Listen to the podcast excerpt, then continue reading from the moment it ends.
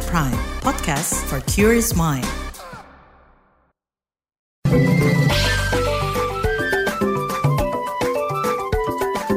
WhatsApp Indonesia. WhatsApp Indonesia kita mulai dari Jakarta. Korps Lalu Lintas Korlantas Polri tengah menertibkan pelat kendaraan RF untuk pejabat. Kakor Lantas Polri, Firman Santiabudi mengatakan penggunaan plat khusus tersebut sedang dievaluasi karena digunakan tak sesuai aturan. Itu disampaikan Firman dalam rapat kerja di Komisi Bidang Hukum DPR RI 5 Juli 2023. Firman Santiabudi menegaskan pihaknya tak lagi menerbitkan plat khusus secara sendiri, tetapi ke depannya akan menggunakan rekomendasi dari Bain Telkom dan Bitpropam Polri. Selanjutnya, kita ke Yogyakarta. ASEAN Gender Mainstreaming Conference yang digelar di Yogyakarta menghasilkan tiga rekomendasi kebijakan untuk mempercepat pelaksanaan kerangka kerja strategis pengarus utamaan gender ASEAN, yaitu mengarus utamakan inklusivitas gender, disisipkan dan diintegrasikan dalam sistem perencanaan, pelaksanaan, dan pemantauan sampai evaluasi.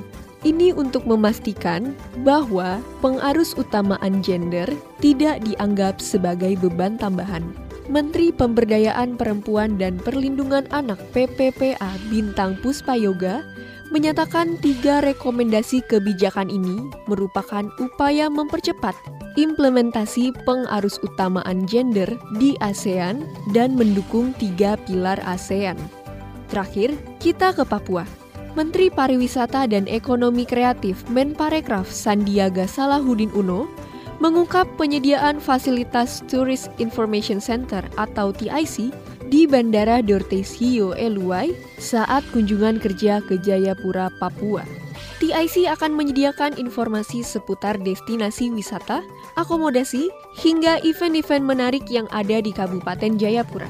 Sehingga wisatawan bisa merencanakan perjalanan wisata mereka dengan baik. Sandi berharap sarana informasi di Bandara Dortes Hio Eluai bisa membantu dan meningkatkan minat turis berkunjung ke Papua. Sandi mengklaim, dalam layanan ini pemerintah Kabupaten Jayapura memiliki database yang lengkap mengenai objek wisata, termasuk deskripsi, peta, jam buka, rekomendasi, hingga pemesanan pemandu wisata. Demikian WhatsApp Indonesia hari ini.